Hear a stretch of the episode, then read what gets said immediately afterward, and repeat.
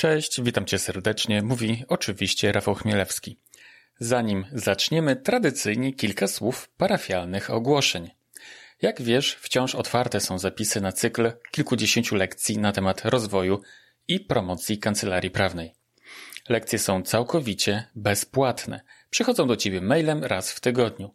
Nie są długie, lektura każdej z nich zabierze ci raptem 10 minut maksymalnie. Idealnie tyle, ile trwa przerwa w pracy.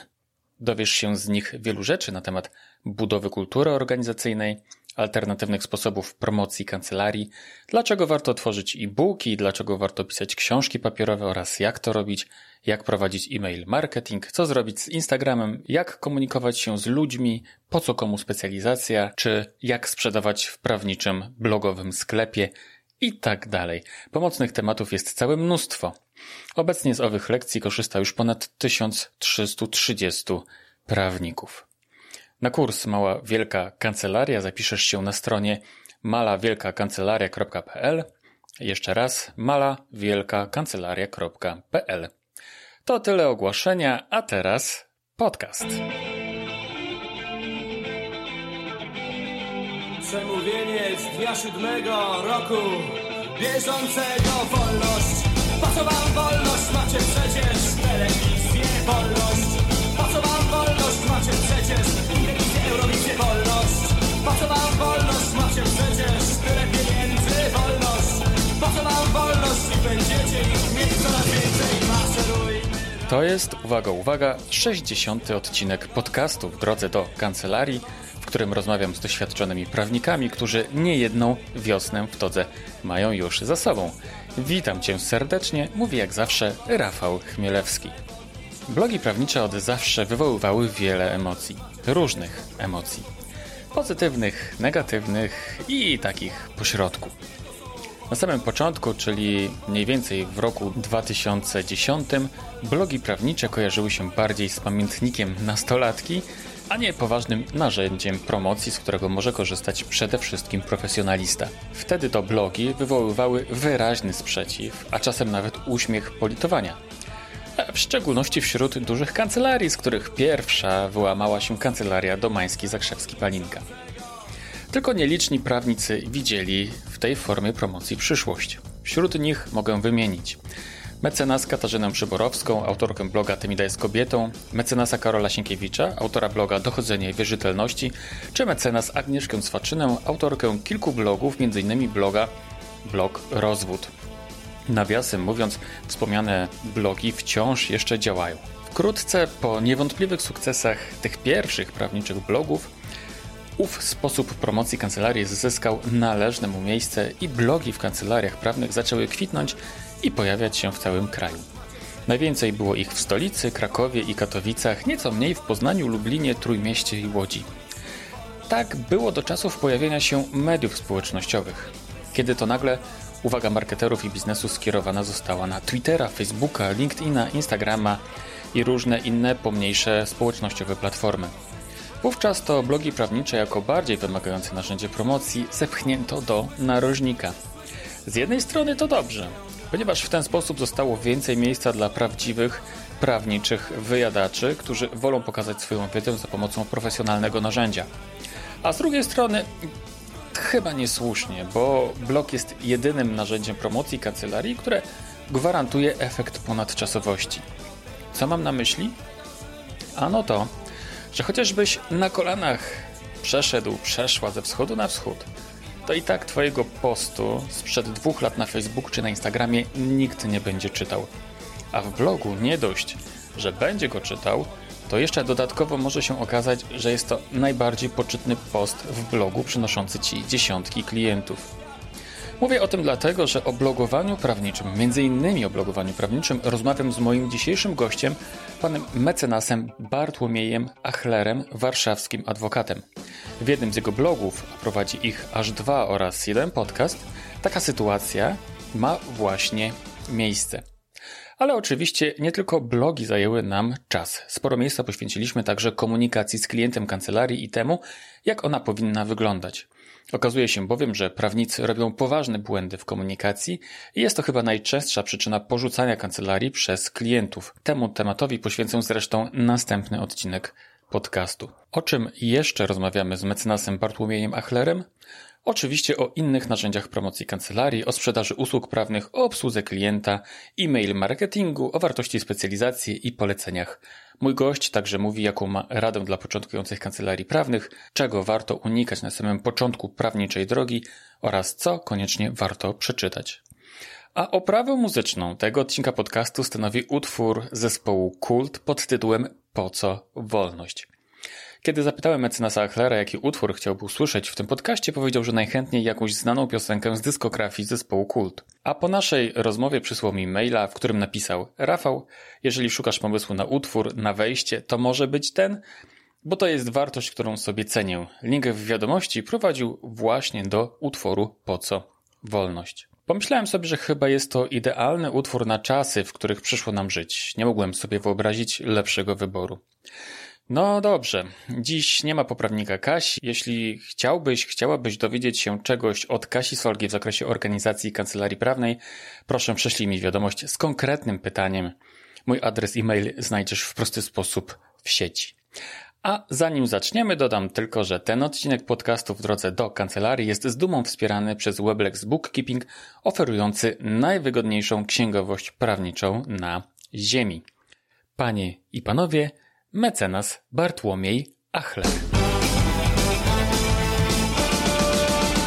Gościem kolejnego odcinka podcastu w drodze do kancelarii jest adwokat, tytan pracy, zawsze uśmiechnięty i pozytywnie nastawiony do życia i ludzi, pan mecenas Bartłomiej Achler. Cześć Bartku. Cześć Rafale, bardzo miło Cię słyszeć. I Ciebie również. Od ilu lat jesteś adwokatem? Powiedz. Od no już ponad 12 lat, od 2008 roku. Mhm. Słuchaj, a studia to gdzie kończyłeś prawnicze? Studia kończyłem w Lublinie na UMCS-ie, mhm. natomiast zaraz po tych studiach przenieśliśmy się z żoną do Warszawy. Tutaj zacząłem pracę w kancelarii radcowskiej. No i właściwie od, no, plany były takie, że ponieważ byli, czuliśmy się bardzo związani z Lublinem, tak. Więc planowaliśmy sobie po tych pięciu, sześciu, siedmiu latach e, wrócić na stare śmieci, no ale jakoś tak e, ta Warszawa, Warszawa nas przekonała do siebie. E, no i już od 2002 roku mieszkamy w Warszawie. Mm -hmm, mm -hmm. A gdzie prowadzisz swoją kancelarię? Kancelarię prowadzę w centrum Warszawy przy ulicy Śniadeckich. To, jest, to są okolice Placu Politechniki, więc to jest bardzo szybkie centrum Warszawy. Mhm. E, wspomniałeś o tym, że z żoną razem przenieśliście się z Lublina. Twoja żona jest adwokatem również. E, czy razem prowadzicie kancelarię, czy osobno? Prowadzimy osobne, osobne kancelarie, chociaż przy niektórych projektach, przy niektórych sprawach współpracujemy. Wynika to przede wszystkim z tego, że mm, żona ma zupełnie, zupełnie inną specjalizację. Kasia specjalizuje się w sprawach karnych, jest takim no, klasycznym adwokatem sądowym. Tak. E, natomiast ja troszeczkę inną ścieżkę sobie obrałem. Mhm, mhm. Do tego wątku jeszcze wrócimy. Powiedz wcześniej, e, e, kawa czy herbata? Oj, zdecydowanie kawa w każdych ilościach. Powiedziałbym w zasadzie, że no, w hektolitrach, o. gdyby nie to, że lubuję się w espresso, więc tutaj tych Aha. hektolitrów ciężko by było nazbierać, ale generalnie kawa, tak, no często, często zdarza się, że jeszcze zanim wyjdę z domu do, do pracy, to już jestem po dwóch, więc, więc kawa, kawa. Dobrze. To zanim przejdziemy dalej, tylko wspomnę, że dziś mamy drugi, 2 grudnia 2020 roku. To dla tych osób e, taka informacja, które będą naszego podcastu słuchały za 50 lat, to żeby mniej więcej wiedziały, wiesz, jak jakiś archeolog odkopie nasz podcast, tak? To żeby miał świadomość, skąd, z jakiego roku, z jakiego przedziału czasowego, czy z jakiej epoki, ery to, ten podcast pochodzi. No dobrze. Dlaczego, Bartku, zostałeś adwokatem, a nie na przykład nie wybrałeś drogi prokuratora, sędziego i tak dalej? Rafale, to jest dobre pytanie, e, ale odpowiedź na nie jest, będzie troszkę dłuższa, bo ja nigdy nie chciałem być prawnikiem. No. Odkąd pamiętam, jeszcze od czasów szkoły podstawowej, ciągle słyszałem, ponieważ miałem takie ciągoty humanistyczne, zdecydowanie bardziej pociągała mnie historia, język polski niż powiedzmy matematyka, fizyka, o chemii już wspominając. Tak. A to były jeszcze czasy, kiedy, kiedy y, w liceach były y, trzy profile właściwie, oprócz ogólnego human, mat, phys i biolchem, Mhm. Y, więc w zasadzie profil humanistyczny był dla mnie jedynym sensownym wyborem i jakoś tak się wtedy utarło, że no po tym profilu humanistycznym to właściwie jedyny sensowny zawód to, to prawnik, tak? No. No ja z jakiejś takiej przekory y, sobie wbiłem do głowy, że y, skoro wszyscy mi powtarzają, że na pewno pójdę na prawo Tak. i na pewno zostanę prawnikiem, to, to y, uznałem, że nie. Zrobię wszystko, żeby udowodnić, że można robić coś y, innego. I wtedy marzyłem o tym, żeby, żeby zostać dziennikarzem. To, to było moje Aha. takie marzenie, marzenie numer jeden. I taki był też y, w sumie plan, kiedy, kiedy przechodziłem ze szkoły podstawowej do liceum. To była moja pierwsza przeprowadzka, bo wychowywałem się w Łęcznej, e, niedaleko Lublina, później Mhm. przeniosłem się do Lublina, do liceum e, i mm, to był, to był pierwszy plan, że, że po tej e, klasie humanistycznej miało być dziennikarstwo Tak. E, i w zasadzie mogło być tego nawet blisko, dlatego że e, dostałem się po, po liceum na, rozpocząłem studia na Wydziale Politologii, takim w miarę świeżym jeszcze wydziale mm, na UMCS-ie. Mhm. I tam właściwie dopiero przekonałem się, że prawo może być naprawdę fajnym, e, fajnym wyborem, dlatego że tam na pierwszym roku tych studiów politologicznych był taki przedmiot, nie pamiętam szczerze mówiąc, jak on się nazywał, to, to, to się nazywało wstęp do prawoznawstwa chyba. Aha. Natomiast on tam niewiele miał wspólnego z takim klasycznym wstępem do prawoznawstwa, z jakim spotykają się studenci na, na wydziałach prawa. Tak. E, I polegało to na tym, że to właściwie był taki przekrój przez różne dziedziny prawa. Ja jak przygotowałem się do, przygotowywałem się do sesji, generalnie jak, jak przygotowałem się do, do, do zajęć, kolokwiów i, i, i sesji tego właśnie przedmiotu, pomyślałem sobie, hmm, może to prawo jednak nie jest takim złym e, Mhm. pomysłem, bo naprawdę się wciągnąłem, zainteresowało mnie. Tak. I uznałem, to były jeszcze czasy em, egzaminów wstępnych na studia, więc uznałem, że właściwie to nic nie stoi na przeszkodzie, żeby spróbować może zdać jakiś egzamin wstępny na Wydział Prawa na, na UMCS.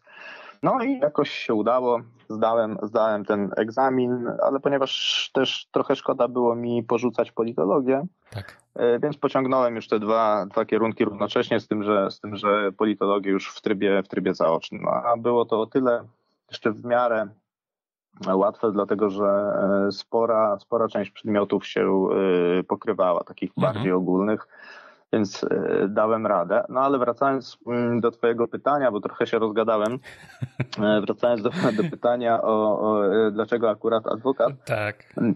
ja miałem takie mm, od początku y, taką potrzebę, żeby robić w życiu coś pożytecznego.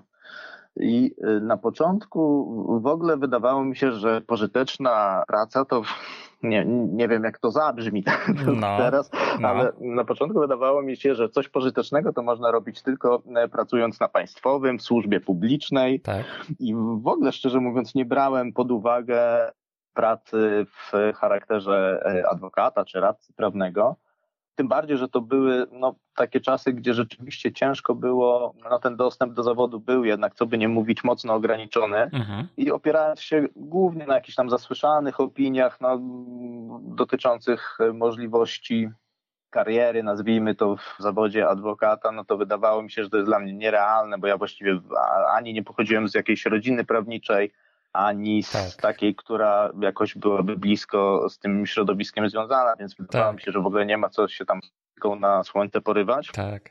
Natomiast udało mi się znaleźć e, pracę w kancelarii, świetnej kancelarii, niewielkiej, w Warszawie, na Saskiej Kępie, Mhm. kancelaria radcowska specjalizująca się w a głównie w takim powiedzmy szeroko pojętym obrocie gospodarczym. Tak. I tam tak naprawdę dopiero zobaczyłem, na czym polega e, wykonywanie, wykonywanie zawodu prawnika. pamiętam pierwszego, pierwszego dnia pracy dostałem taką sążnistą sprawę, sprawę o obligacjach, której Aha. wcześniej na oczy nie widziałem, tam jakąś apelację miałem, No. miałem z tego napisać, więc trochę, trochę zamarłem w pierwszej chwili. tak. Ale ostatecznie jakoś, jakoś dałem radę, sprawę wygraliśmy, więc początki były dobre. Mhm. No i generalnie się wciągnąłem.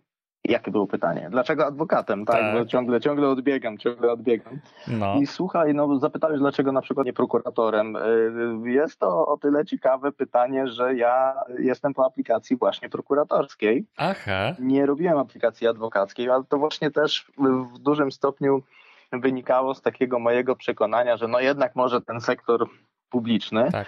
no ale to były takie czasy świeżo po, po aferze e, Rywina, tam ta komisja pierwsza śledcza, powstające CPA, pierwsze, pierwsze Tak. rządy e, miłościwie nam panujących e, obecnie, więc to, 2005. dla prokuratury, tak, No. dla, dla prokuratury nie był to generalnie jakiś najlepszy czas. Tak. I powiem szczerze, jak tak sobie przez ten czas aplikacji popatrzyłem, na czym, już abstrahując od wszystkich takich inklinacji politycznych, jak popatrzyłem na czym polega wykonywanie tego zawodu prokuratora, Tak.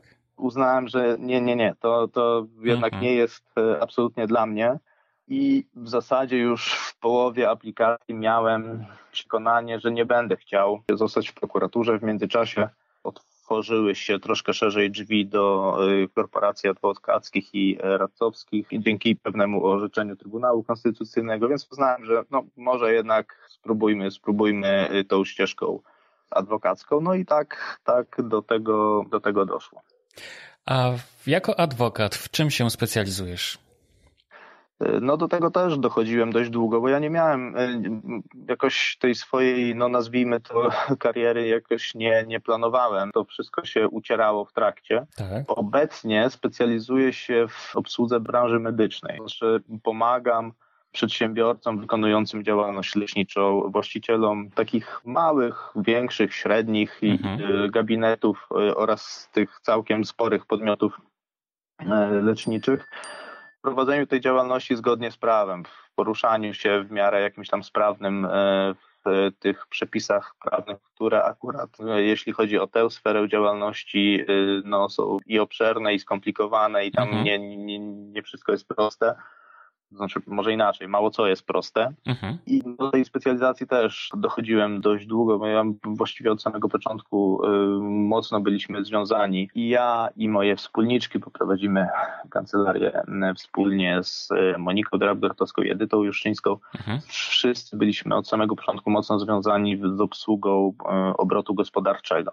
Tak. No, Więc to jakoś tak się przez ten cały czas mojej, nazwijmy to, kariery układało w ten sposób, że zawsze jakoś byłem blisko związany z tym, z tym środowiskiem biznesowym. Mhm. Branże bywały różne, naprawdę e, rozmaite, ale gdzieś w okolicach 2010 roku Tak. zaczęliśmy, to, to wtedy się chyba pojawiło pierwsze, pierwsze takie sensowne zlecenie, jeśli chodzi o obsługę branży medycznej. Mhm. I właściwie od tego się e, zaczęło. Myśmy się w to troszeczkę e, wciągnęli.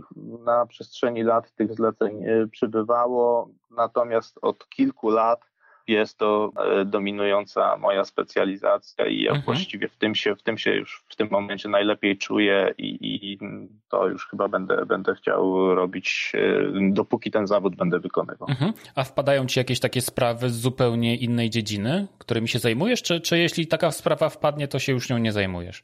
Wiesz, to czasami wpadają. Ja lubię czasami takie sprawy sobie y, wziąć, dlatego że no to takie wyjście, z, no to się tak mówi co- coachingowo trochę, no wyjść ze swojej strefy komfortu, ale Tak. to, to, to jest naprawdę fajne, bo pozwala sobie mm, troszkę szerzej spojrzeć na pewne, na pewne rzeczy. Też nie ukrywam, że wchodzenie do tych dziedzin prawa, w których się generalnie nie specjalizujesz, Tak. pozwala ci spojrzeć na to mocno świeżym okiem. Ja nigdy nie zapomnę, jak wzięliśmy kiedyś z Moniką, obsługiwaliśmy pewnego, pewnego klienta, no, du, duża firma i tak się akurat zdarzyło, że gdzieś składali ofertę w postępowaniu e, o udzielenie zamówienia publicznego. Mhm. Trzeba było napisać odwołanie do KIO. No myśmy z prawem za, zamówień publicznych jakoś specjalnie wtedy nie mieli do czynienia.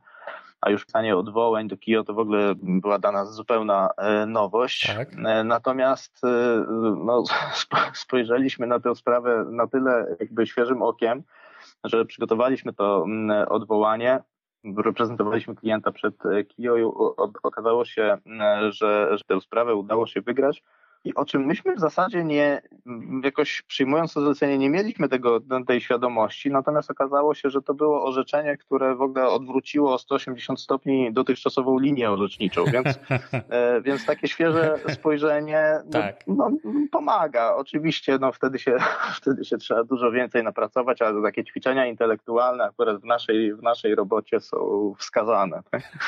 Natomiast nie ma, nie ma dużo tych zleceń takich e, spoza, spoza spoza tej mojej branży.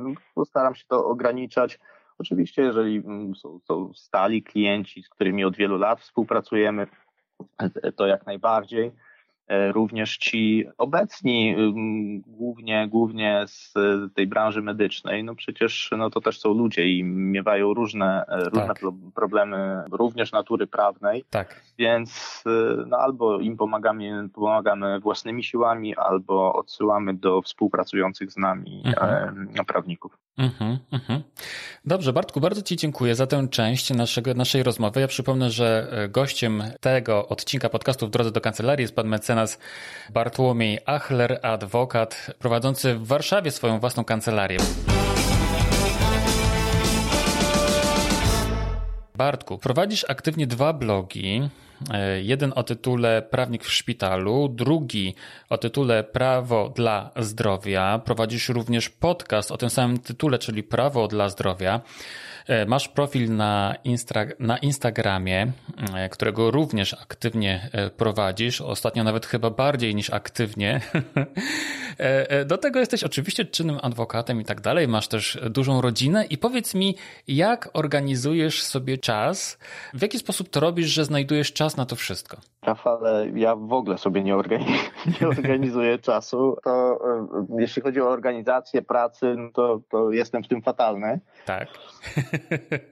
To muszę, muszę to przyznać. Ciekawe, no. To troszkę, troszkę idzie tak na żywioł. To, to jest jakiś też zalążek organizacji, może w tym jest, natomiast generalnie ja nie jestem jakimś specjalnie uporządkowanym człowiekiem. Mhm. E, u mnie zawsze na, na, na biurku leży sterta papierów i, i, i, i w takiej stercie ja jestem w stanie się, się odnaleźć bez tak. problemu, broń Boże, jak się ktoś do tego dotknie i poukłada to na, na równe kubki, to, no to już wtedy jest gorzej. Aha. E, natomiast ja też nie wszystkie te działania, o których powiedziałeś, prowadzę w równym stopniu aktywnie. Ten tak. pierwszy blok, prawnik w szpitalu, ja właściwie, jeśli dobrze pamiętam, to chyba od marca czy od kwietnia niczego nowego tam nie napisałem. Ostatni artykuł to chyba jeszcze pochodził z początków lockdownu, bo chyba był poświęcony kwarantannie. Tak. Więc y, wcześniejsze wpisy też parę miesięcy mm, oddziela od, od siebie. Tak. Więc z tym aktywnym prowadzeniem to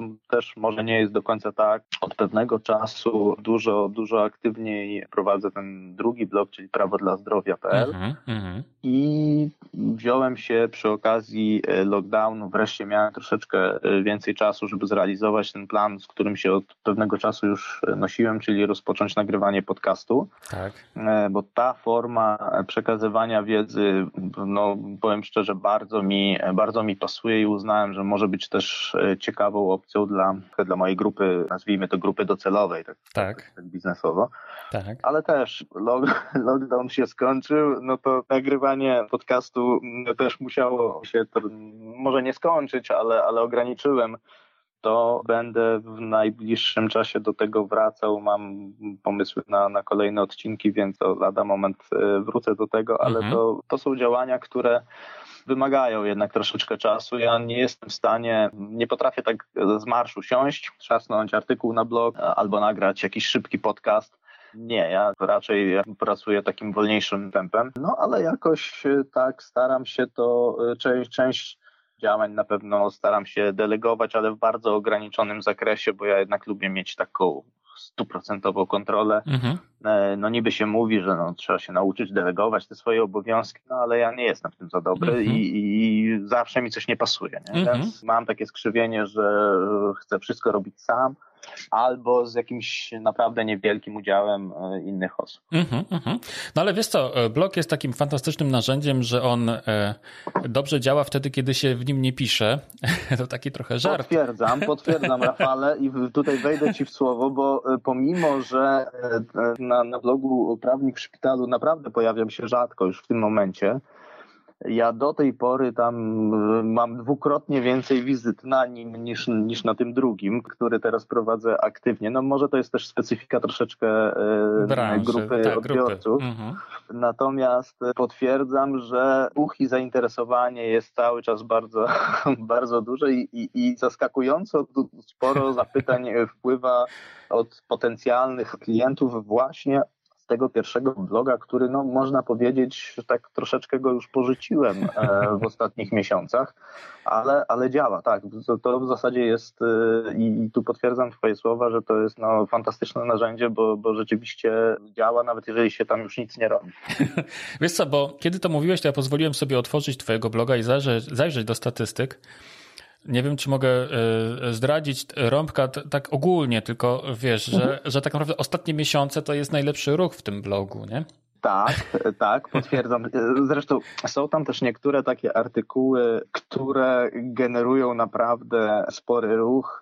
Chyba w październiku, tak z czystej ciekawości sobie, czy, czy w listopadzie, no. z czystej ciekawości sobie zajrzałem do statystyk i byłem w ciężkim szoku, bo tam rzeczywiście ten ruch skoczył, no ale to, to wygenerował jeden artykuł, który tak E, który tam się e, znajduje. Nie będę zdradzał, co to za artykuł. Kto sobie chce, niech sobie przeklika przez wszystkie i, i, i, sobie znajdzie. Mogę tylko powiedzieć, że był to artykuł, którego niezwykła popularność wzięła się z orzeczenia Trybunału Konstytucyjnego w sprawie e, dopuszczalności przerywania ciąży. Więc mhm. ten artykuł no, już jakiś czas temu napisałem e, i, i on rzeczywiście, kiedy temat aborcji e, powraca w mediach, to, to, to, to, jest artykuł, który generuje ten spory ruch na blogu. Aha, aha. Słuchaj, a ten artykuł to kiedy był napisany? Tak mniej więcej, rok temu, dwa lata Wiesz, temu? To wydaje mi się, że około rok temu, tak. Mhm. Jakoś tak. E, może nawet troszeczkę więcej. Mhm, mhm. No, wiesz co, no to jest w ogóle, ja uważam, takie całe piękno e, bloga lub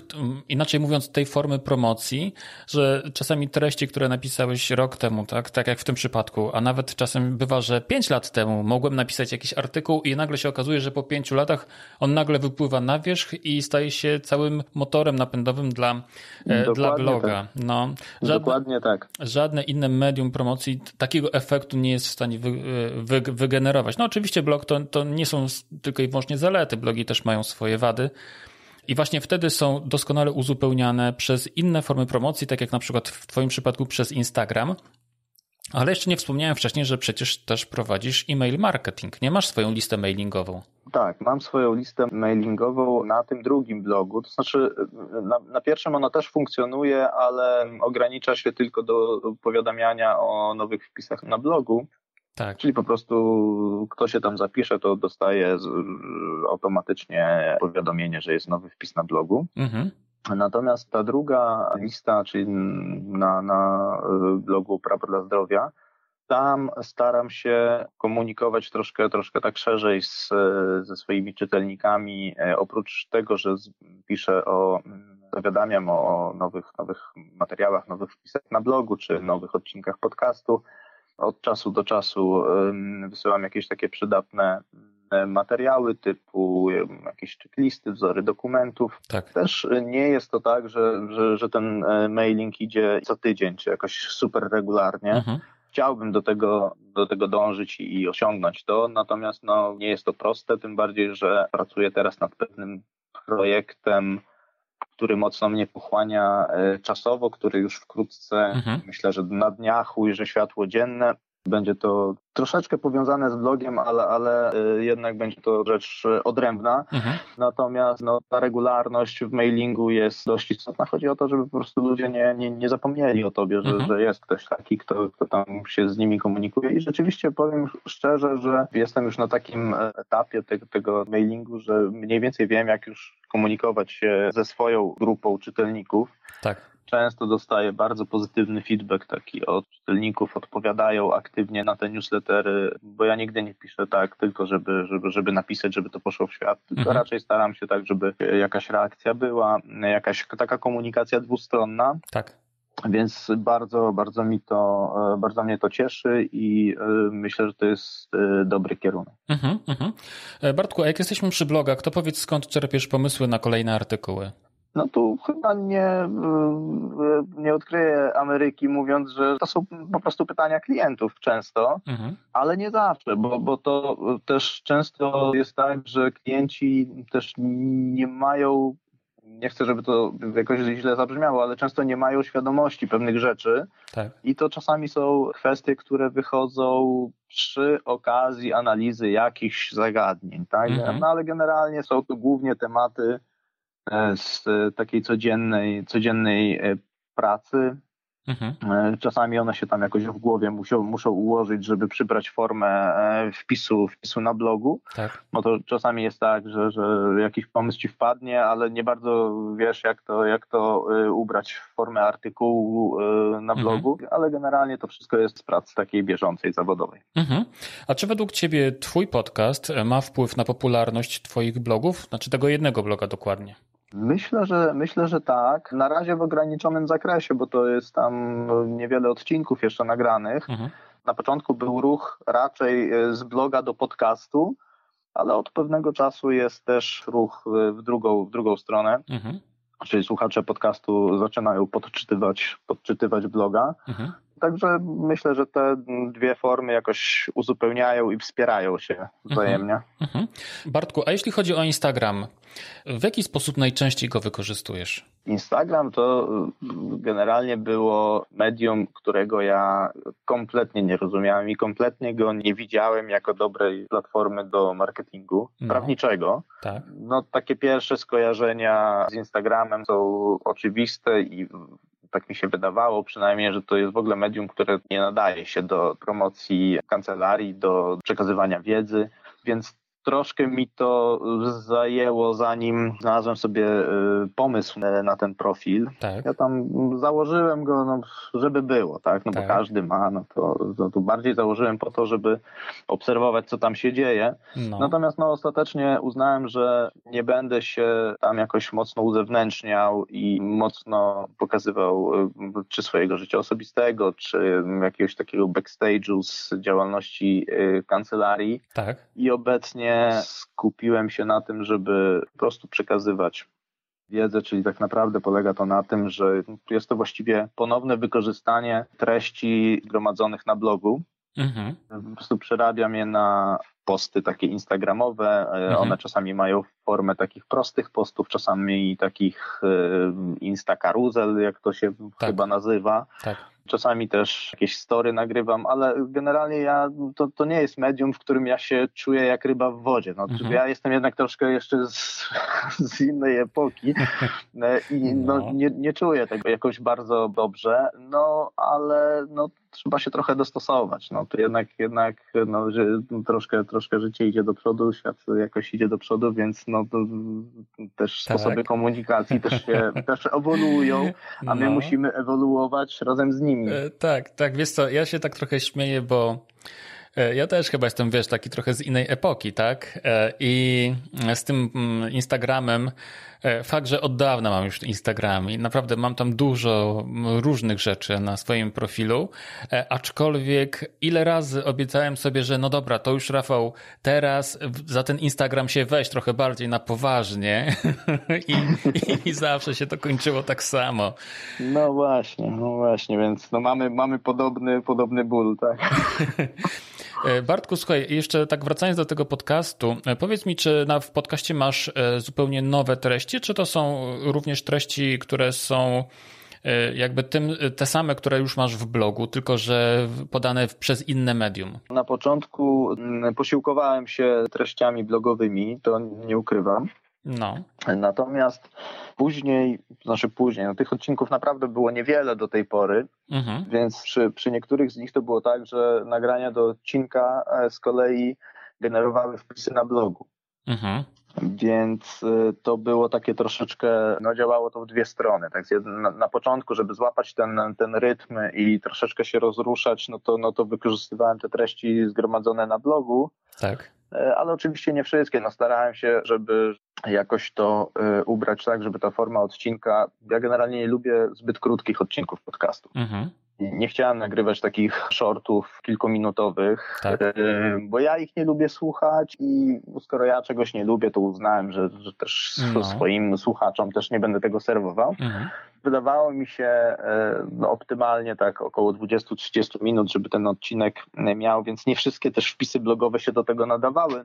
Tak. Niektóre odcinki, tego co pamiętam, to troszkę stanowiły taką, no może kompilacja to złe słowo, ale były inspirowane kilkoma wpisami z podobnej tematyki. Mhm.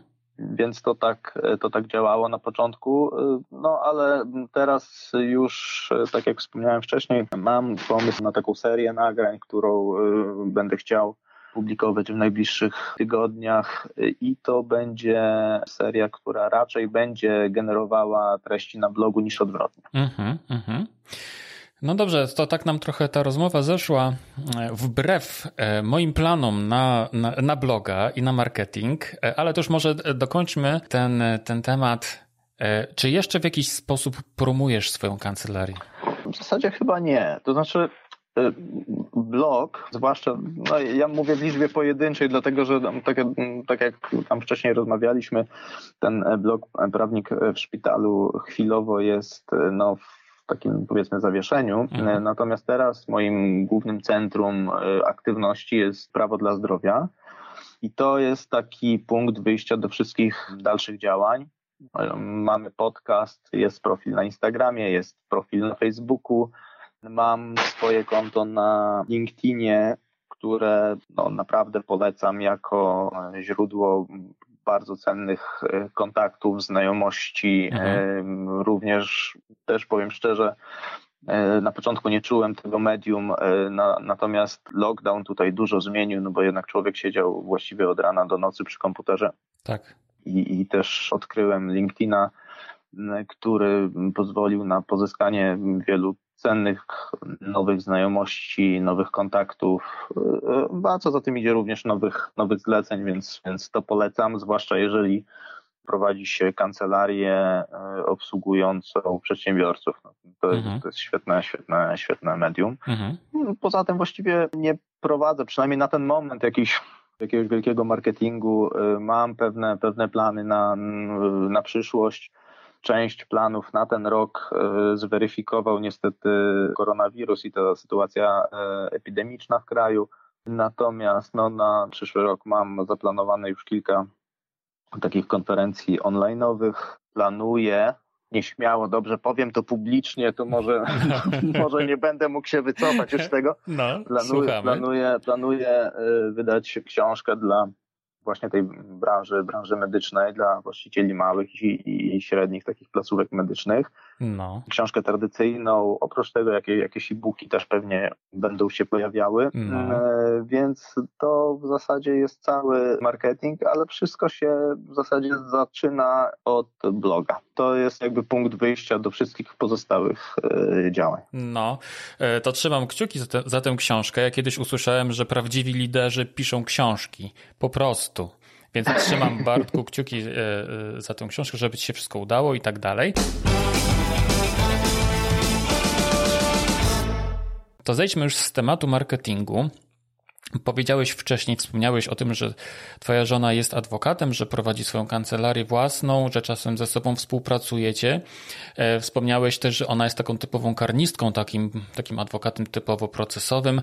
Powiedz Bartku, mnie to zawsze interesowało, E, jak się sprawdza taki rodzinny, prawniczy duet? E, wiesz, kiedy, no. kiedy się pobieraliśmy, to nie wiedziałem, nie wiedziałem, że tak to się skończy, dlatego że, e, dlatego, że Kasia pierwotnie była tłumaczem przysięgłym, to znaczy jest nadal no. tłumaczem przysięgłym z języka francuskiego i, i hiszpańskiego, natomiast Aha pewnym momencie swojego życia zawodowego doszła do wniosku, że to już jej nie kręci. Aha. A no, znałem ją na tyle, żeby y, wiedzieć, że doskonale sprawdzi się w tej robocie prawniczej. Tak. E, i sam ją, nie ukrywam, nakłoniłem do tego, żeby, żeby, żeby spróbowała sił. No. Powiem szczerze, nie odczuwam jakiejś wielkiej różnicy tak? No. między jakby w samym, w samym związku, kiedy, kiedy był w nim tylko jeden prawnik, a teraz, kiedy, kiedy jest tych prawników dwoje. No. W zasadzie jedyna różnica to, że może troszeczkę się zmieniły tematy rozmów, ale to są, to są rozmowy fajne właśnie dlatego, że zajmujemy się innymi działkami. Aha. Więc y, to, to, jest, to są takie no, wzajemnie inspirujące rozmowy. Też nie przesadzamy. To nie jest tak, że, że, że no. siedząc, siedząc sobie wieczorem przy winku opowiadamy sobie o, o, o sprawach i co tam dzisiaj w sądzie się zadziało. Ale E, mamy różne punkty widzenia, różne spojrzenia czasami na te same czy na podobne kwestie, tak. E, więc taka może nie burza e, mózgów, ale, ale jakaś wymiana myśli to, to, jest, to jest czasami fajna rzecz, tym bardziej, że się dokonuje w bardzo przyjemnych okolicznościach. Mhm, mhm. Ale tak sobie myślę teraz, wiesz, że gdybyście na przykład prowadzili wspólną kancelarię, to w zasadzie mm, po pracy byłoby tak samo jak w pracy, prawda? A no jeśli... właśnie, mm, tak. No dobrze, dobrze. Przez, przez pewien czas tak było, bo przez pewien czas, na, na, zwłaszcza gdy, gdy na początku Kasia, Kasia zaczynała, wykonywanie zawodu, no to tak działaliśmy tak bardziej razem. Mhm. Natomiast dość szybko każdy poszedł w swoim kierunku zawodowym. Mhm. Mhm. Teraz, teraz w zasadzie nie, nie mamy właściwie jakichś wspólnych e, tematów zawodowych. Uh-huh, uh-huh. Bartku, wiesz co, jak ja byłem na studiach swoich prawniczych, to powiem Ci szczerze, że e, z pewną zazdrością patrzyłem na swoich kolegów czy koleżanki, które miały rodziców prawników, ponieważ oni zupełnie przedstawiali inny poziom takiej kultury, a może źle określone, mm, powiedziane kultury prawnej, ale po prostu byli na zupełnie innym poziomie. Wasze dzieci też nasiąkają taką, takim właśnie prawniczym klimatem, prawniczą wiedzą. Myślę, że będą kiedyś e, znacznie lepszymi prawnikami niż ja. powiem, powiem ci szczerze, pewnie tak, ale, ale nie we wszystkich, nie w przypadku wszystkich dzieci to się w równym stopniu e, ujawnia. Nasza młodsza córka natomiast e, dość mocno wykorzystuje tę swoją nie wiem nawet jak to nazwać, no, tak. no, rzeczywiście ma taki naturalny, naturalny dar, naturalny talent, no. E, który, który e, jeszcze właśnie wsparty tym, o czym mówisz, czyli tą taką atmosferą e, domową, przecież też przysłuchują się tak. dzieci naszym rozmowom, więc tak. wiedzą mniej więcej na czym to polega. Tak. No, wykorzystuje to w praktyce szkolnej, w sporach z nauczycielami wyciągając postanowienia statutu szkoły, czy, czy tego typu rzeczy, więc, więc no coś w tym jest, co mówisz, coś, coś w tym jest, no ale to wiadomo, to, to, to, to jeszcze życie, życie pokaże, jak to się wszystko ułoży. No świetnie, świetnie. No dobrze. Przejdźmy do tematów biznesowych. Mm, Bartku, powiedz, w jaki sposób ty sprzedajesz swoje usługi? Jeżeli w ogóle sprzedajesz, bo może nie sprzedajesz, może po prostu klienci do ciebie przychodzą, a ty niemalże musisz się od nich odganiać. E, nie sprzedaję. Mhm. To, tu jakby odpowiedź jest y, tylko, tylko jedna, y, nie sprzedaję. Powiem szczerze, już nie pamiętam kiedy, kiedy y, na pewno to było przed erą przedblogową, kiedy, kiedy jakoś musiałem, musiałem bardziej aktywnie zabiegać tak. o klienta. Teraz, zresztą no to już od, od paru ładnych lat tak jest, że że ja w zasadzie nie sprzedaję i też no, mamy ten komfort, że e, nie, nie musimy za wszelką cenę przyjmować każdego, każdego zlecenia, tak? Mhm. Bo czasami po prostu nie jesteśmy w stanie nawet tak powiedzmy ze względów czasowo-organizacyjnych pewnych rzeczy zrobić i to nie stanowi jakby wielkiego problemu dla nas. No, jeżeli klient jest w stanie poczekać dłużej na, na realizację, no to okej, okay. mhm. wtedy, wtedy musi się ustawić w kolejce, że tak brzydko powiem. Tak.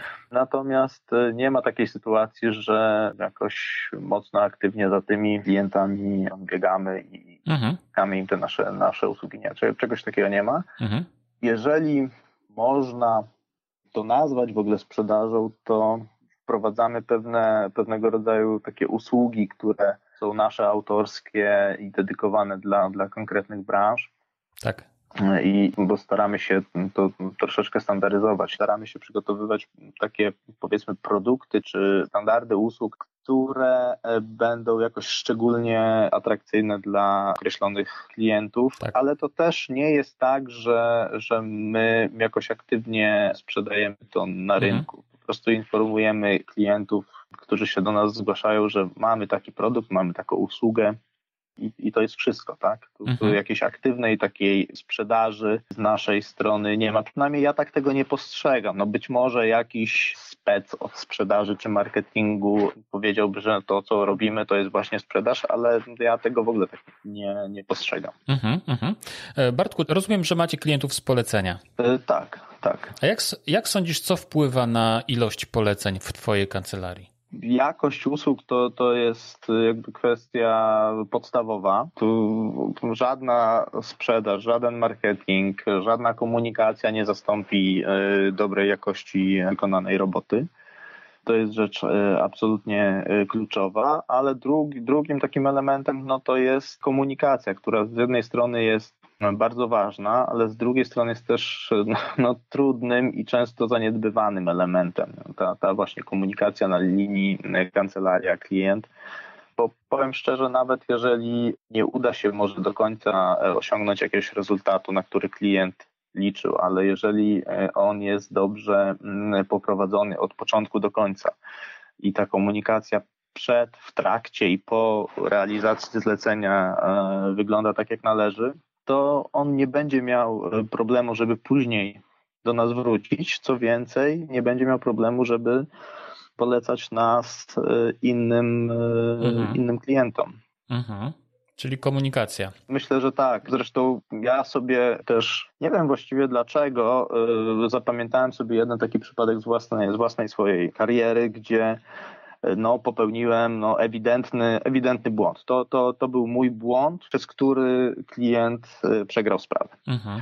Natomiast yy, wziąłem to na klatę. Szczerze z y, klientem porozmawiałem, przedstawiłem mu wszystkie okoliczności. To była długa rozmowa i ona nie, nigdy nie jest łatwo przyznać się do błędu. Tak. Natomiast później przez wiele lat jeszcze, jeszcze z tym klientem współpracowałem. Aha przyprowadzał mi e, swoich znajomych, e, polecał nasze usługi innym klientom. E, w związku z tym to nie zawsze jest tak, że musisz sprawę wygrać i to jest jakby warunek konieczny, tak. bo błędy się zdarzają. No to, to jakby z tym się, z tym się trzeba, trzeba pogodzić a sytuacja była o tyle też dla mnie ważna, że, od tamtej pory już, a, było to naprawdę parę ładnych lat temu, e, od tamtej pory już, już tego rodzaju sytuacje się nie zdarzają. Natomiast e, zwracam, e, przynajmniej staram się zwracać znaczną uwagę właśnie na, na kwestie komunikacji z klientami. Tak, tak. Wiesz co, ja kiedyś prowadziłem takie, taki, taki webinar właśnie dotyczący komunikacji i zanim ten webinar się zaczął. Kilka dni wcześniej rzuciłem na Facebooka w takiej grupie prawniczej temat, jak myślicie, co jest najważniejsze w kontakcie y, z klientem.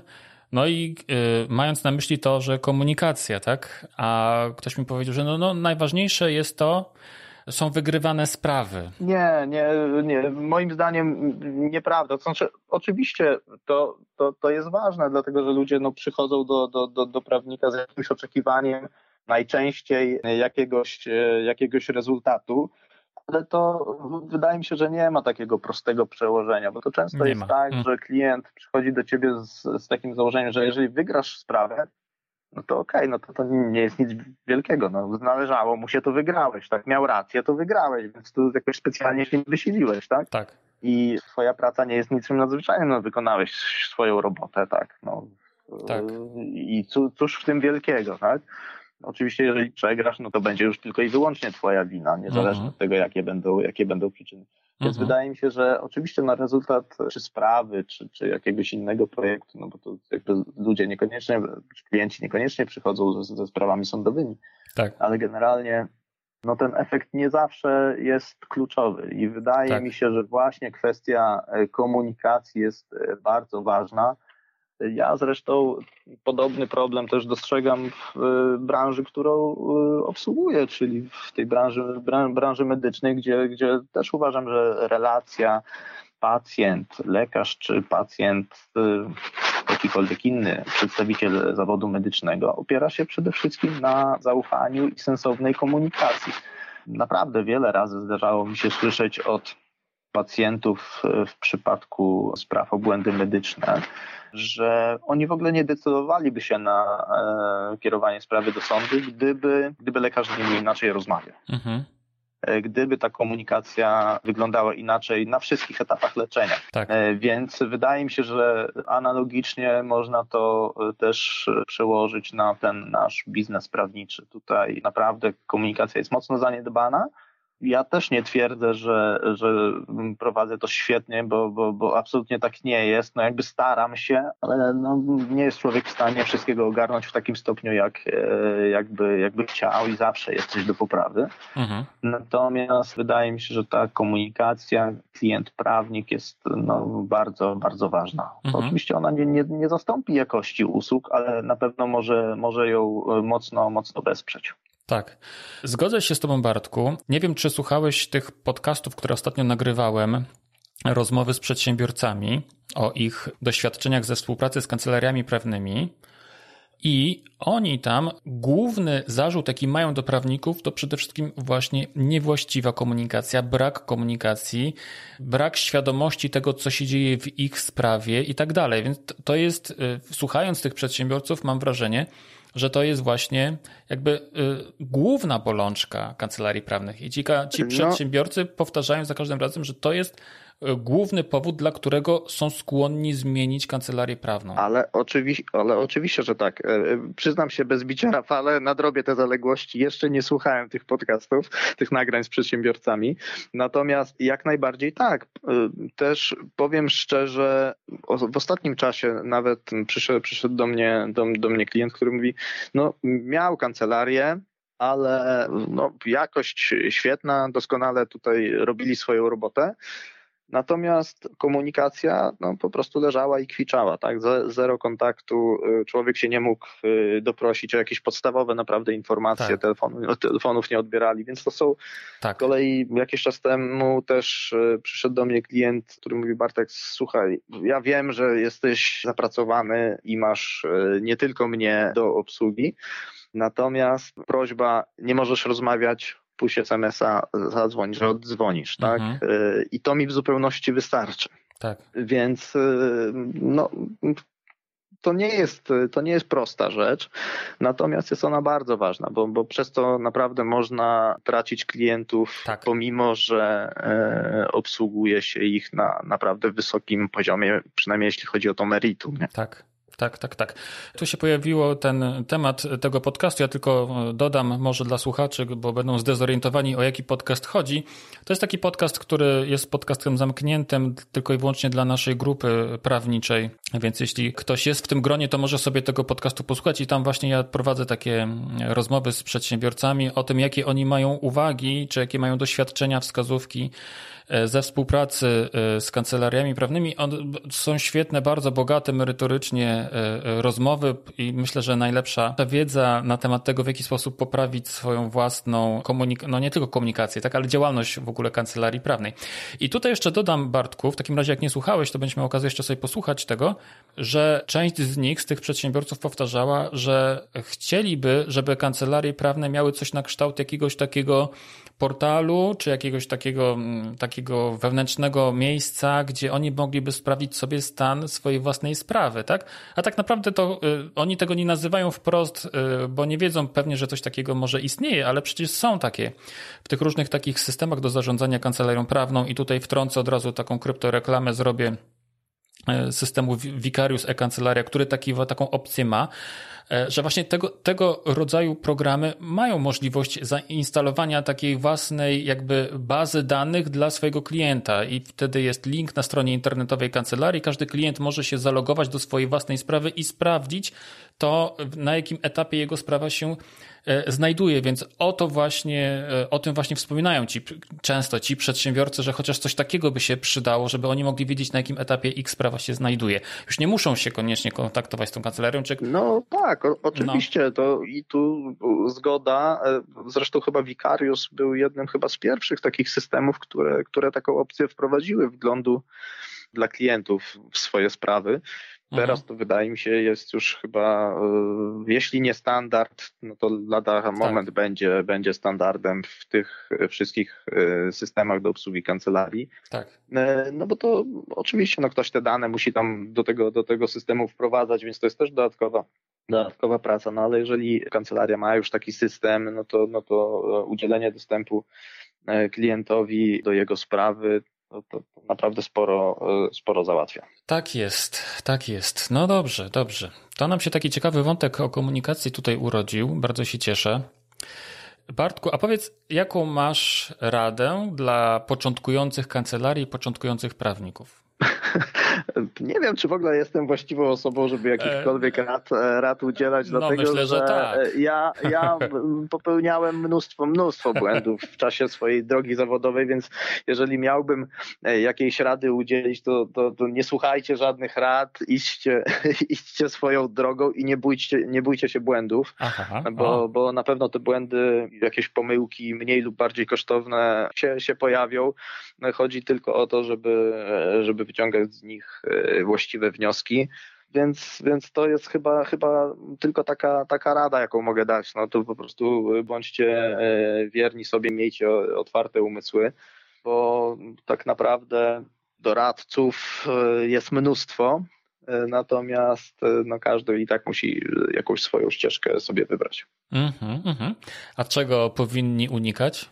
No właśnie doradców, tak? No to, mhm. to, to, jest, to, to, jest ciężkie, dlatego że wiesz, no nikt nie ma, nikt nie ma e, napisane na czole jestem taki czy taki, mhm. możesz mi zaufać czy nie, mhm. więc e, to, to niestety e, ja sam też wielokrotnie się sparzyłem na na kontaktach takich powiedzmy y, no, międzyludzkich. Mhm. Niektóre, niektóre te, te pomyłki były mniej, niektóre bardziej kosztowne, więc y, generalnie y, wydaje mi się, że no, trzeba, trzeba mieć otwarty umysł, jakoś reagować w miarę elastycznie na sytuacje zastane. To jest chyba jedyna, przynajmniej moim zdaniem, jedyna sensowna rada, jaką, jakiej mogę, mogę udzielić słuchajcie, e, owszem, słuchajcie osób, które wam dobrze życzą, e, ale jednak wyciągajcie własne wnioski, tak? To, to mhm. jednak każdą radę trzeba przypuścić przez swój własny filtr swojej wiedzy, swoich doświadczeń, swojej osobowości, mhm. bo nie,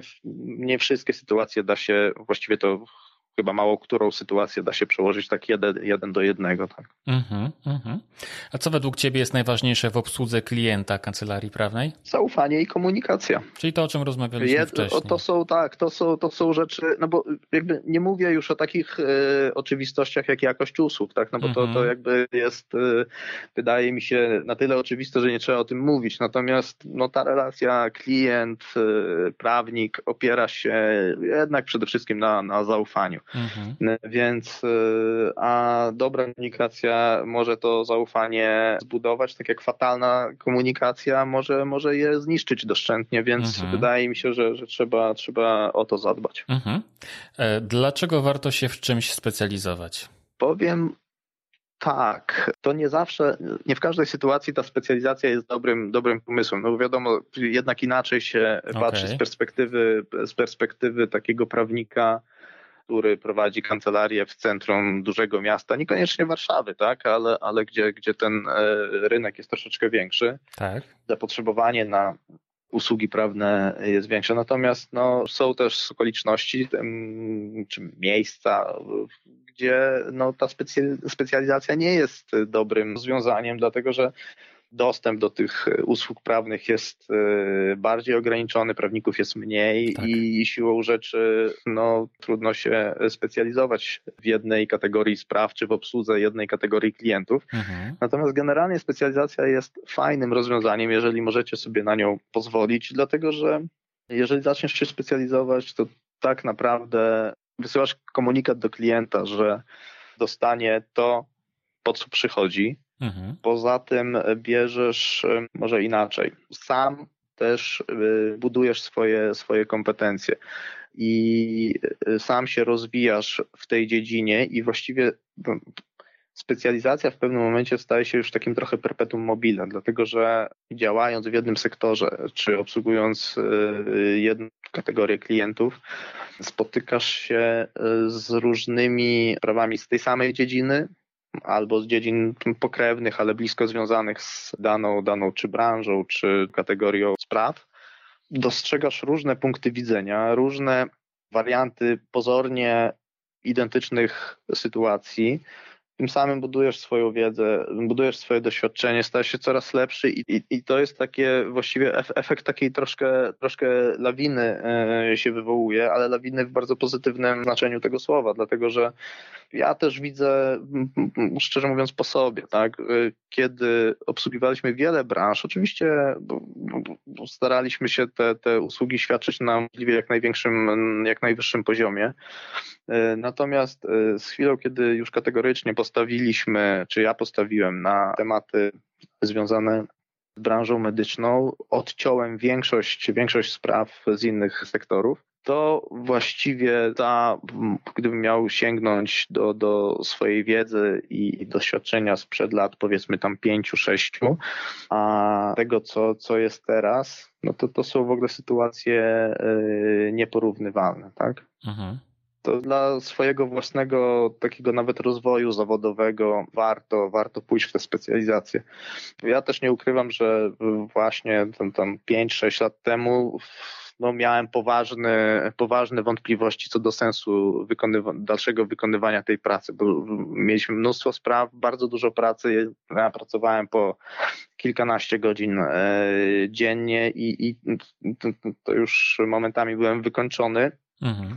I z mojej własnej perspektywy to y, oceniam to tak, że ta specjalizacja i skupienie się na jednej grupie e, spraw pomogła mi na nowo odzyskać mhm. taką, powiedzmy, radość z wykonywania tego, tego zawodu, bo mhm. ciężko mi jest to wytłumaczyć. To, to, to właściwie jest chyba kwestia też troszeczkę osobowości, mhm. ale dzięki temu, że postawiłem bardzo wyraźnie na jedną na jeden sektor, na jedną branżę, Mhm. Y, naprawdę muszę powiedzieć, że, że odzyskałem na nowo taką y, frajdę z wykonywania tej, tej mhm. pracy. Mhm, mhm. A wiesz co, ja to tak też, mo też mogę to odnieść do, y, do prowadzenia blogów, tak? Bo czas, czasem jest tak, że no może już trochę rzadziej, ale na samym początku, jak tych blogów było mniej prawniczych, tak, i jakby mm, ten Weblex jeszcze nie istniał w takiej świadomości, jak, jak jest dzisiaj, czy albo inaczej, kultura blogowania nie istniała w takiej świadomości, jak, jak jest dzisiaj, to właśnie bardzo często zwracali się do nas o pomoc prawnicy, którzy po prostu zakładali bloga e, i wiesz, i bez żadnego pomysłu w zasadzie pisali tam wszystko, e, co wiedzieli, nie? I, i przychodzili poradę, i żeby im pomóc, i co tu jest nie tak, i że w ogóle to wszystko jest bez sensu, nie? Nie wiem po co to robię. I wiesz, i pierwsze co, to wiesz co, to było właśnie odnalezienie specjalizacji, tak? I nagle właśnie po odnalezieniu tej specjalizacji zawsze było to wow, nie? Znowu, znowu czuję energię i chce mi się coś w ogóle robić, tak? Chce mi się w tym blogu pisać i pracować i, i tak i widzę, że to tak samo jest właśnie też w przypadku kancelarii, że jak masz tą specjalizację, to, to jest takie trochę tchnienie jakby nowego, nowego życia, nie? W zawód, w to, co się tak, wykonuje. Do, dokładnie. Wiesz, dzięki, dzięki specjalizacji poznajesz naprawdę fajne osoby z twojej branży i to zarówno z tej grupy, nazwijmy to e, powiedzmy klientów, czy potencjalnych klientów, jak i z grupy e, prawników, którzy siedzą w tej, w tej, w tej samej działce a także ekspertów z innych dziedzin, ale jakby w ramach tego samego e, sektora, więc to powoduje, że niesamowicie się rozwijasz, zyskujesz nowe, nowe punkty odniesienia do, do swojej działalności, perspektywy które później możesz e, wykorzystać w kontaktach z klientami mhm. i w obsłudze tych klientów znacząco się tutaj roz, rozszerzają, tak? Mhm. Więc to, tak jak mówię, jest w zasadzie taki nowy, nowy start i mm, naprawdę powoduje, że ta frajda z wykonywania zawodu jest dużo większa. Mhm. E, Bartku, a czy korzystasz z jakichś narzędzi, które usprawniają Twoją pracę? W zasadzie nie, powiem Ci szczerze, Rafale. Prze ćwiczyłem kilka programów do zarządzania e, kancelariami, ale jakoś każdy miał coś, co mi, mhm. co mi nie pasowało. Mhm. Pewnie, pewnie za jakiś czas będę, będę znowu e, się rozglądał nad nowymi rozwiązaniami na, na, na rynku, bo, bo, bo tych, tych rozwiązań jest coraz więcej. Oczywiście są, są, są jacyś główni gracze, ale jakichś wielkich narzędzi, czy wielu narzędzi nie, nie stosuję. W, w zasadzie wystarcza mi Nozbi do ogarnięcia zadań mhm. takich, e, takich bieżących i kalendarz mhm. w dwóch formach, e, czyli elektronicznej i, e, i takiej tradycyjnej papierowej. I to jest w zasadzie, mhm. to jest w zasadzie wszystko. Mhm. A gdzie według Ciebie tkwi źródło sukcesu kancelarii prawnej? To zależy, jak sobie zdefiniujemy, co tym sukcesem e, miałoby być. No, wiesz, no. dla, dla, dla tak. wielu, dla, wie, dla wielu prawników pewnie sukces będzie miał jakiś tam wymiar finansowy. No. Ja osobiście uważam, że sukcesem jest e, to, kiedy możesz tę swoją działalność prawniczą wykonywać zgodnie ze swoimi zasadami, ze swoimi wartościami, tak jak sobie to wymyśliłeś i sobie to poukładałeś w głowie, a potem wdrożyłeś. Więc to, to jeżeli jesteś w stanie tak sobie to poukładać, y, żeby realizować tę swoją działalność y, zgodnie z własnymi planami i tak jak ty chcesz, mhm. nie tak jak uważasz, czy tak jak przez lata było utarte, że musi wyglądać no. E, wykonywanie zawodu prawnika, no to to uważam jest sukces, tak? No oczywiście to wymaga jakiegoś tam pomysłu na siebie, jakiejś mhm. determinacji, jakiejś elastyczności pewnie też, otwarcia na nowe rozwiązania, to tu chyba jednej dobrej odpowiedzi y, nie ma, szczerze mówiąc. Mhm. E, Bartku, a co według Ciebie każdy początkujący prawnik powinien przeczytać? Wydaje mi się, że to znaczy generalnie fajną rzeczą jest czytanie. E, u mnie, no. powiem szczerze, jest sterta książek, które czekają, aż, aż je przeczytam. No. I to zarówno są pozycje beletrystyczne, jak i książki stricte biznesowe. No. Uważam, że nadal zbyt mało się prawników edukuje pod względem biznesowym. E, w związku z tym chyba sensowną opcją, zwłaszcza dla osób zaczynających, ale też takich, które już od jakiegoś czasu działają, byłoby przeczytanie książki, której przyznam szczerze, sam jeszcze nie, nie, nie skończyłem, dopiero niedawno zacząłem ją czytać, mhm. co, co trochę jest dziwne, biorąc pod uwagę, że działalność gospodarczą prowadzę od 2006 roku, a no. E, własną kancelarię już od no, lat 12. Tak. Jest książka Pataflina e, Gotowi na start.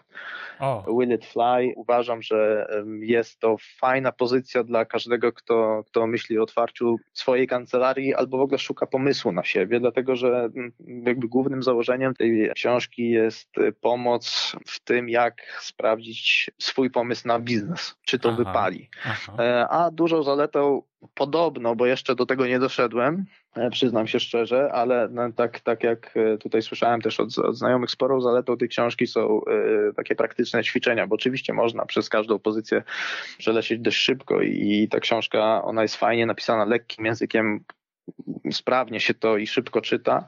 Natomiast gdyby się w nią, w nią tak zagłębić i rzeczywiście wykonywać te ćwiczenia, które, które tam Pat Flynn zaleca, to myślę, że można dojść do, do wielu ciekawych e, wniosków, co na pewno pomoże w jakimś obraniu drogi na, na, na przyszłość tą swoją zawodową. Mhm. Możesz powtórzyć jeszcze nazwisko autora oraz tytuł? Pat Flynn, Gotowi na start. Angielski tytuł to jest Will It Fly. To jest książka przetłumaczona na polski? Tak, ona mhm. jest dostępna, nie pamiętam gdzie ja ją kupiłem. Wydaje mi się, że chyba ją kupiłem na blogu Michała Szafrańskiego. Mhm jeśli dobrze pamiętam. Natomiast e, no, Pat Flynn jest dość, dość znaną osobistością marketingu takiego no, międzynarodowego, mhm. więc, więc e, jak sobie wrzucicie e, wyszukiwarkę, czy nazwisko Pat Flynn, czy tytuł Gotowi na start, czy jego angielską wersję Will It Fly, to bez problemu to znajdziecie. Książka jest dostępna właściwie chyba wszędzie, na, nawet chyba na Allegro jest za jakieś niewielkie pieniądze, można to kupić. Bartku, ostatnie pytanie. Powiedz mi, jaką, jaką piosenką mam rozpocząć i zakończyć rozmowę z tobą? Nie wiem, nie wiem, szczerze mówiąc nie wiem, zaskoczyłeś mnie. Natomiast bardzo sobie cenię kult, zwłaszcza stare kawałki e, te, te z, z lat 80. i 90., no to, no to, to właściwie to, to, to, jest, to jest ten prawdziwy kult. No. E, więc jeżeli wrzucisz jakiegoś kazika, kult, to będzie na pewno ok. Dzisiaj na przykład sporo słuchałem Fula, ale to jest chyba trochę za ciężkie na, na podcast w drodze do kancelarii.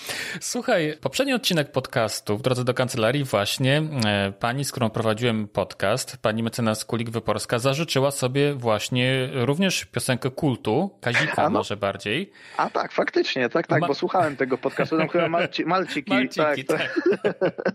tak, tak, tak, tak, faktycznie no słucha, słucha, słuchałem tego. No, wy, wybierz coś, Bartku, Rafale. To... wybiorę coś, niech to będzie niespodzianka też dla ciebie w takim razie. Okej, okay, okej, okay, okej. Okay. Dobrze, bardzo serdecznie ci dziękuję za e, miłą, przymiłą rozmowę, Bartku. Ja przypomnę, że naszym gościem w tym odcinku podcastu w drodze do kancelarii był pan mecenas Bartłomiej Achler, adwokat prowadzący swoją kancelarię w Warszawie, autor dwóch blogów, jednego podcastu i w ogóle człowiek, e, powiedziałbym, e, nie chcę powiedzieć orkiestra, tak, ale wiele rzeczy po prostu robisz. I, i mimo wszystko wciąż się zastanawiam, jak znajdujesz na to wszystko czas. No musisz mieć jakiś sposób, może nieuświadomiony, ale jednak jest. Bartku, bardzo serdecznie Ci jeszcze raz dziękuję. Dziękuję Rafale również. Pozdrawiam serdecznie wszystkich słuchaczy. Dzięki. Dzięki, do widzenia. To tyle. Dziękuję jeszcze raz panu mecenasowi Achlerowi, a tobie chciałbym jeszcze zwrócić uwagę na fragment naszej rozmowy, w którym rozmawialiśmy o komunikacji i o tym, jak mówiąc wprost, fatalny jest stan zwyczajów w tym zakresie w wielu kancelariach. Jak wspomniałem podczas wywiadu dla kancelarii, które wspieramy w Weblex, prowadzą podcast. Można powiedzieć prywatny, na łamach którego m.in. prowadzą wywiady z przedsiębiorcami, których pytam o ich doświadczenia z kancelariami prawnymi. I okazuje się, że każdy z moich rozmówców zwraca uwagę na bardzo zły stan komunikacji prawników i że z reguły był to powód, dla którego rezygnowali z pomocy prawnej. Te wypowiedzi klientów kancelarii są bezcenną wskazówką. W kolejnym odcinku podcastu w drodze do kancelarii pokażę Ci jedną z takich rozmów. Jestem ciekaw, ile wyniesiesz dla siebie z tego, co usłyszysz. Zatem do następnego razu. Na zakończenie dodam tylko, że będę wdzięczny, jeśli pomożesz mi w promocji podcastu, zostawisz o nim opinię na aplikacji, z której korzystasz, albo po prostu opowiesz o nim swoim najlepszym znajomym. Dzięki Twojej pomocy dobre prawnicze doświadczenia będą mogły zmieniać naszą branżę na lepsze. Dziękuję Ci uprzejmie, mówił Rafał Chmielewski.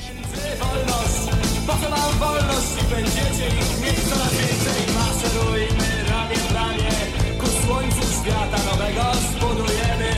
Nowy most imienia przewodniczącego. Maszerujmy ramię w ramię. Ku słońcu świata nowego Zbudujemy. Nowy most imienia przewodniczącego. Wolność, po co wolność? Macie przecież do pracy autobusyny Wolność, po co wam wolność? I bezpłatny Wolność, co wolność? Macie komu oddawać część